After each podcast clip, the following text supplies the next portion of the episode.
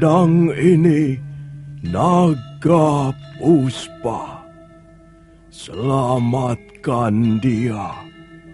Jangan sampai jatuh ke tangan pendekar berwatak jahat.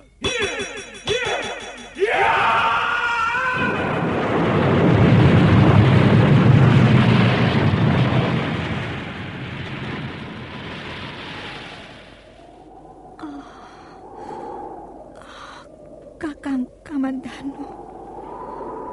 Kau... Kau masih juga tidak percaya bahwa aku... Aku mencintaimu. Mesin. Maafkan aku, Mesin. Oh. Mesin. Oh. Mesin!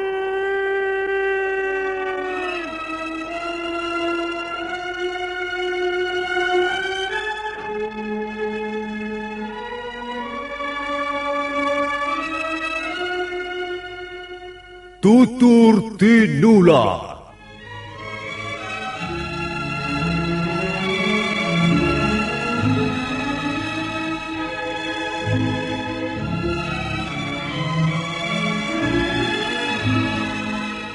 Sebuah sandiwara radio serial, produksi Sanggar Cerita dan Teater Sanggar Prativi.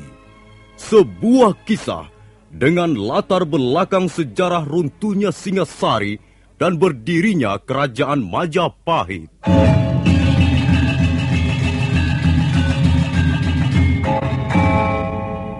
Sandiwara ini didukung oleh pemain-pemain radio yang sudah ternama.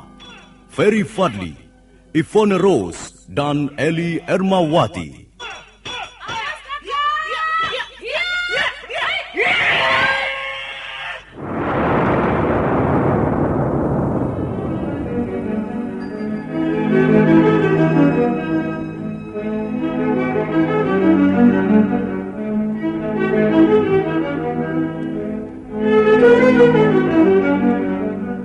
Cerita ini ditulis dan disusun oleh S. Tijab. Teknik dan montase dikerjakan oleh Rudi Tinangon dan Joko SP. Sutradara EWS Yuwono. Kali ini mengetengahkan episode pertama dengan judul Pelangi di atas Kurawa.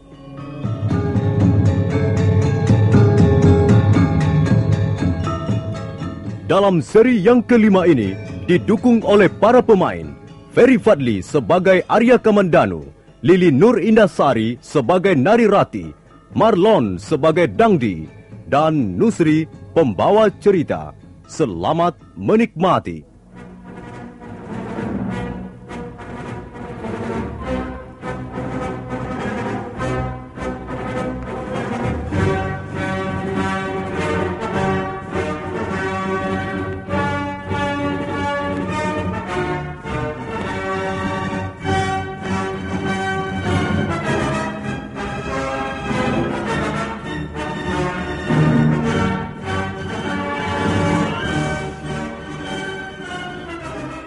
Arya Kamandanu menimang tusuk konde yang sudah begitu dikenalnya. Tusuk konde berkepala kuning keemasan itu sering dilihatnya menghiasi rambut Nari Rati. Oh, mengapa tusuk konde ini bisa tergeletak di sela-sela daun ilalang ini? Oh, jangan-jangan telah terjadi sesuatu atas diri Nari Rati. Aku harus mencarinya.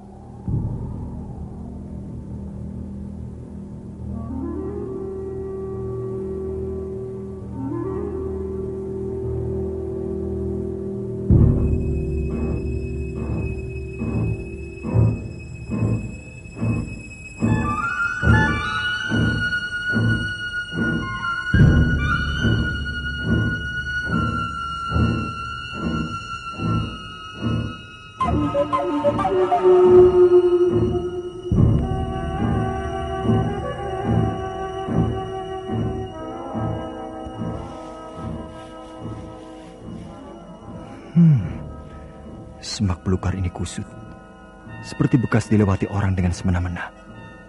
Oh, ada setangkai kembang melati berserakan di sini. Nari Rati juga sering mengenakan kembang melati untuk menghias rambutnya. Hmm, kalau tidak salah, di depan itu ada bangunan kuno, Candi Walandit. Jangan-jangan Nari Rati dibawa orang dengan paksa ke sana.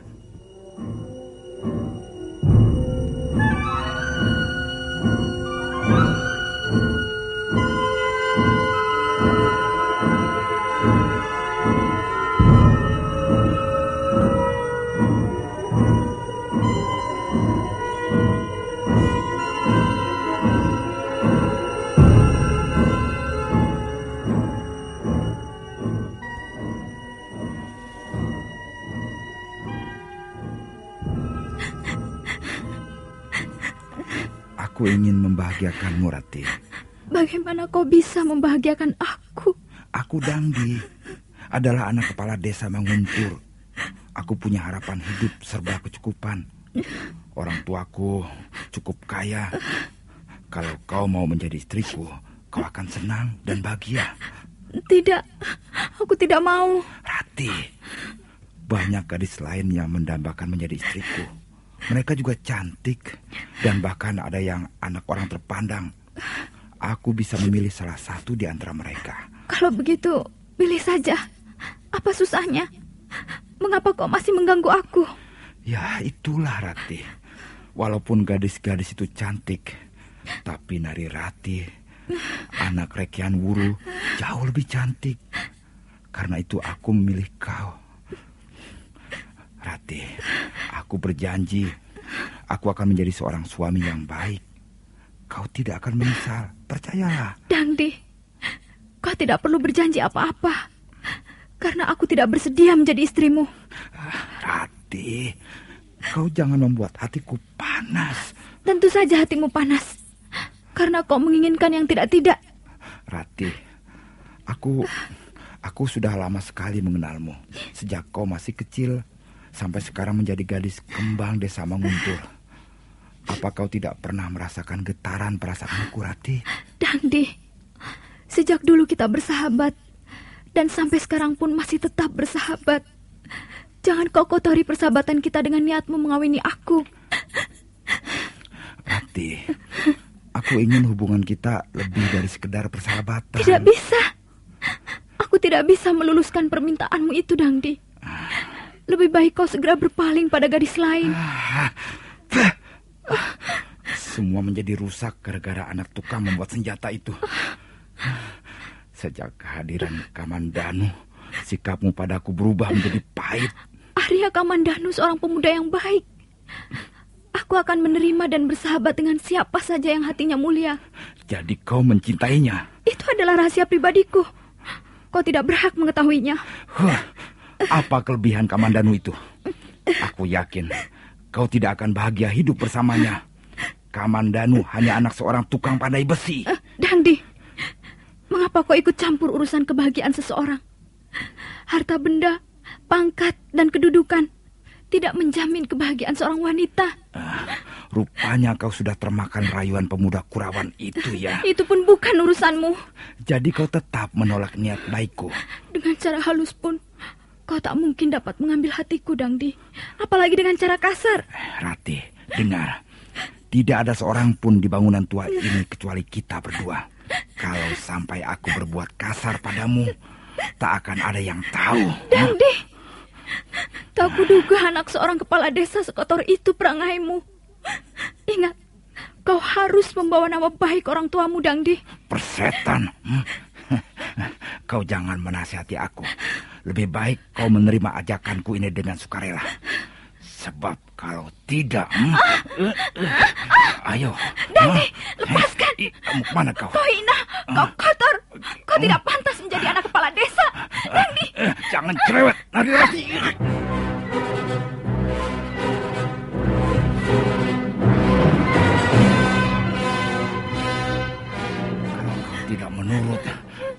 akan membuatmu malu, Nari Rati. Kau biadab, binatang. Uh, ayo, ayo. Suruh datang Kamandanu ke tempat ini. Biar dia melihat gadisnya kubuat malu. Hmm. Bunuhlah aku, Dangdi. Aku tidak takut mati. Lebih baik mati daripada harus tohina seperti ini.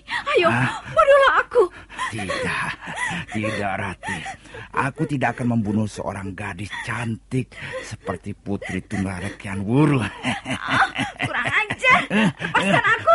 Lepaskan aku. Eh, eh, aduh, aduh, kurang ajar kau, ha? Ah, Setan betina, ku bunuh kau.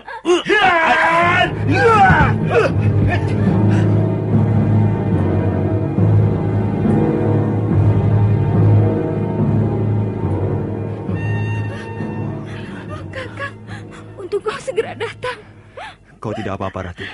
Dia, dia bermaksud tidak senonoh padaku, kakang. Ah, kebetulan sekali kau datang, Kamandanu. Ayo, mari kita selesaikan persoalan ini secara jantan. Tidak perlu. Mengapa? Kau takut? Kalau takut aku tidak datang ke tempat ini, Dangdi. Nah, kalau begitu mari kita bertempur untuk memperebutkan gadis itu. Kita sama-sama lelaki. Kita selesaikan secara kesatria. Ayo. Bagaimana kau bisa bersikap kesatria? Kalau kau membawa lari seorang gadis dan bermaksud tidak senonoh di tempat sepi begini. Cukup. Tutup sajalah mulutmu. Kalau kau takut melawan Dangdi, pulanglah. Dan biarkan Nari Rati bersamaku di sini. Dan membiarkan kau merusak kehormatannya. Menodai kesuciannya. Hei, jangan merasa dirimu paling bersih, Kamandanu. Setidak-tidaknya aku tidak sekotormu, Dangdi. Anak kepala desa Ah, Manguntur. kurang ajar kau. Yut. Hup, yut. Hut. Yut. Kamandanu, ayo. Mari kita mencari tempat yang lebih lapang untuk berlaga. Ayo. Aku lebih senang menyelesaikan persoalan ini secara baik. Bukan dengan jalan kekerasan. Kau anak kepala desa. Tentunya kau lebih memahami tata kerama yang berlaku dalam masyarakat. Jangan malah berbuat liar seperti kambing hutan. Tidak ada cara lain untuk menyelesaikan persoalan ini selain berkelahi. Hah? Nah, aku menantangmu, Kamandanu. Ayo keluar. Di halaman candi ini lebih leluasa untuk saling menghantam. Kalau itu kemauanmu baik. Akan kulayani tantanganmu, Dangdi. Hati-hati, kakang. Dia licik, curang. Kau melihat dari kejauhan saja, Rati. Jangan mendekat. Baik, kakang.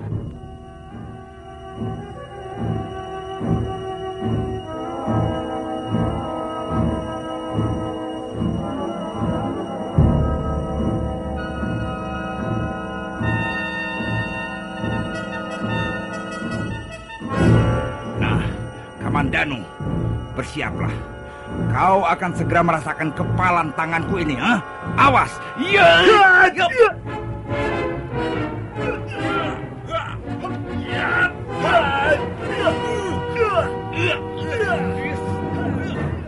Bagus. Gerakanmu lincah seperti burung serikatan. Tapi jangan buru-buru merasa senang. Lihat!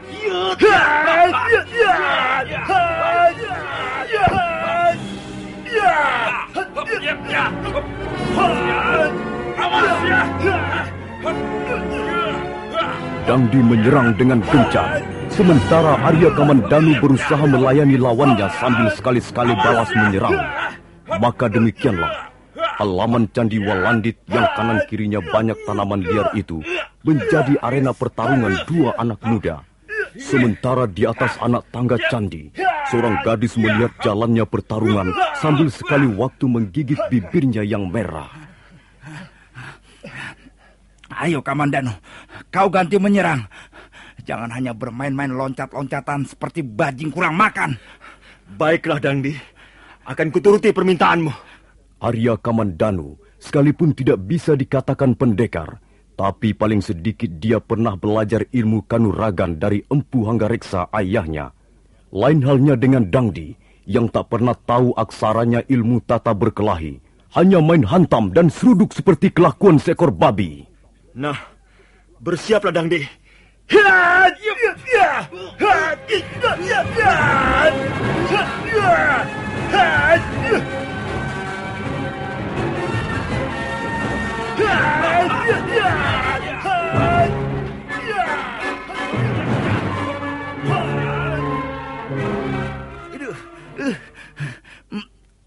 Kau kau telah memukul pelipisku Kamandanu.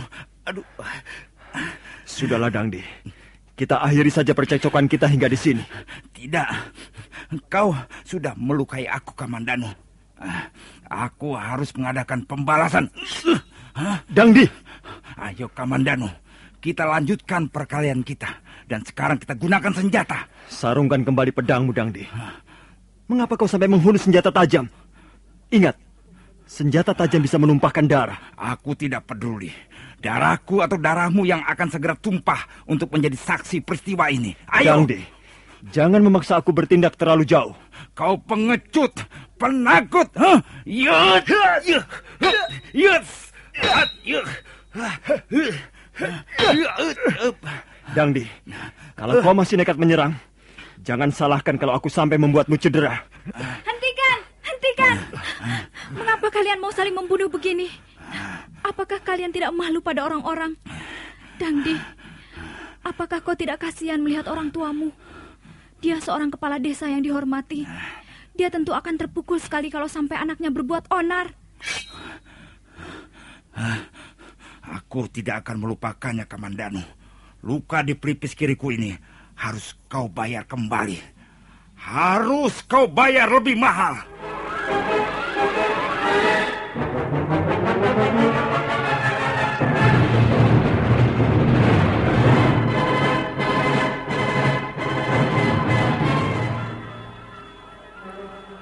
Kau tidak apa-apa, Kakang. Tidak, Rati. Aku tidak apa-apa. Terima kasih atas pertolonganmu, Kakang.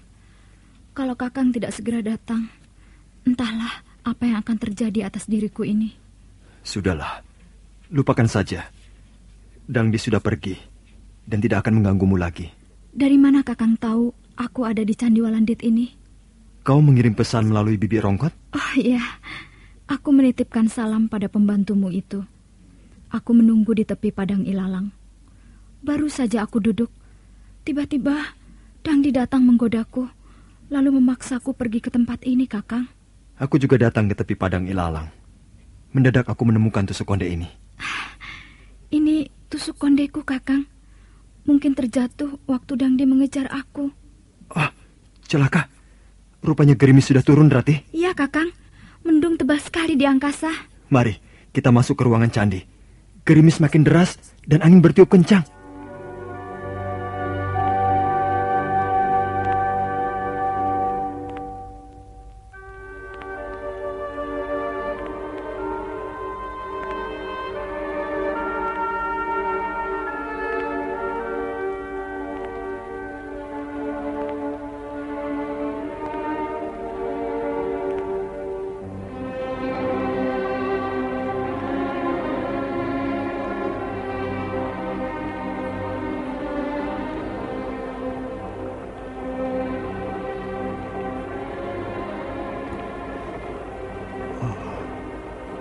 Pakaianmu terkoyak, Rati. Iya, Kakang. Dangdi, Dangdi sungguh kurang ajar. Dia mau membuatku malu. Kelihatannya dia tergila-gila padamu. Dan karena kau tidak menanggapinya, dia nekat. Aku benci melihat laki-laki seperti Dangdi. Dia sok kaya dan sok berani. Buktinya, dia tidak mampu menandingi Kakang Kamandanu. Oh, Kakang, lihat, ada pelangi di sebelah sana. Aku sudah melihatnya sejak tadi, Rati. Mengapa Kakang diam saja? Mengapa tidak memberitahu aku? Ah, aku tahu.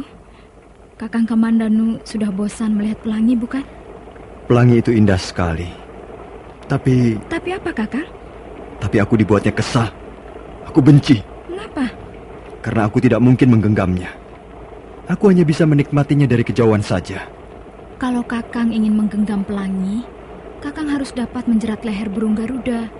Nah, Kakang lalu naik di punggung burung raksasa itu, terbang ke angkasa. Itu mustahil. Bisa saja. Kakang jangan putus asa. Tidak, Rati. Pelangi itu terlampau jauh. Terlampau indah. Tapi mustahil kumiliki untuk selamanya. Kau tidak percaya?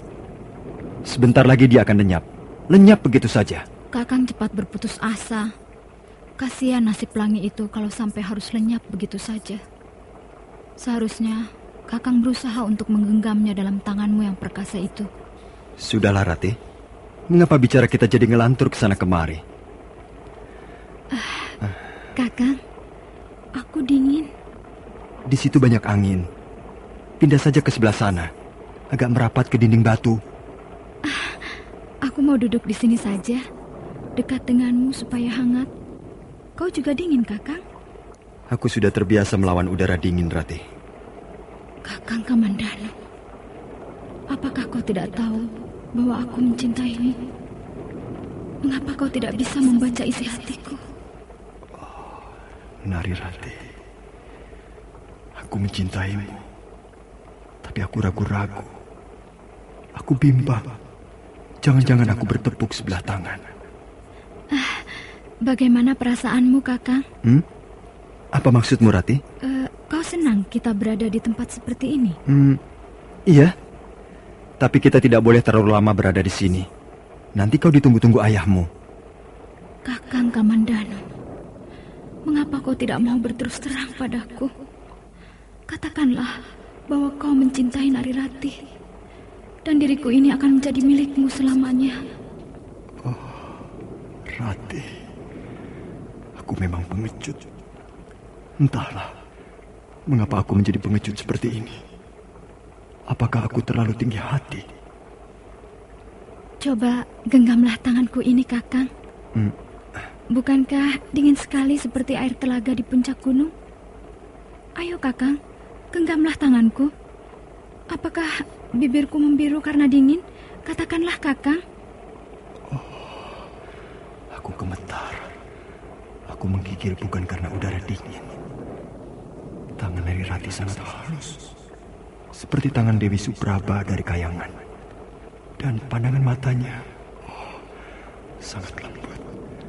Kakang, mengapa kau tidak mau duduk merapat padaku? Nari Rati, kau pasti hanya akan mempermainkan aku.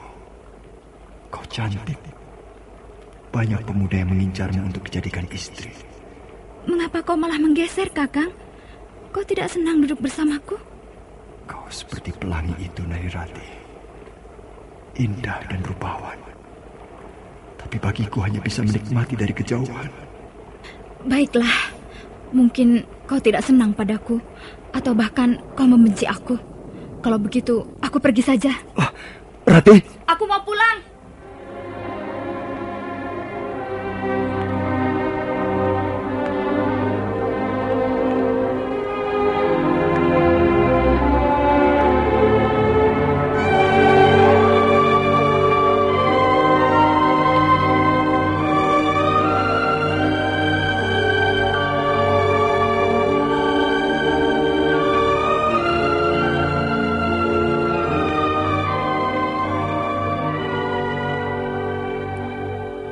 Arya Kamandanu terkejut begitu Nari Rati mengibaskan tangannya.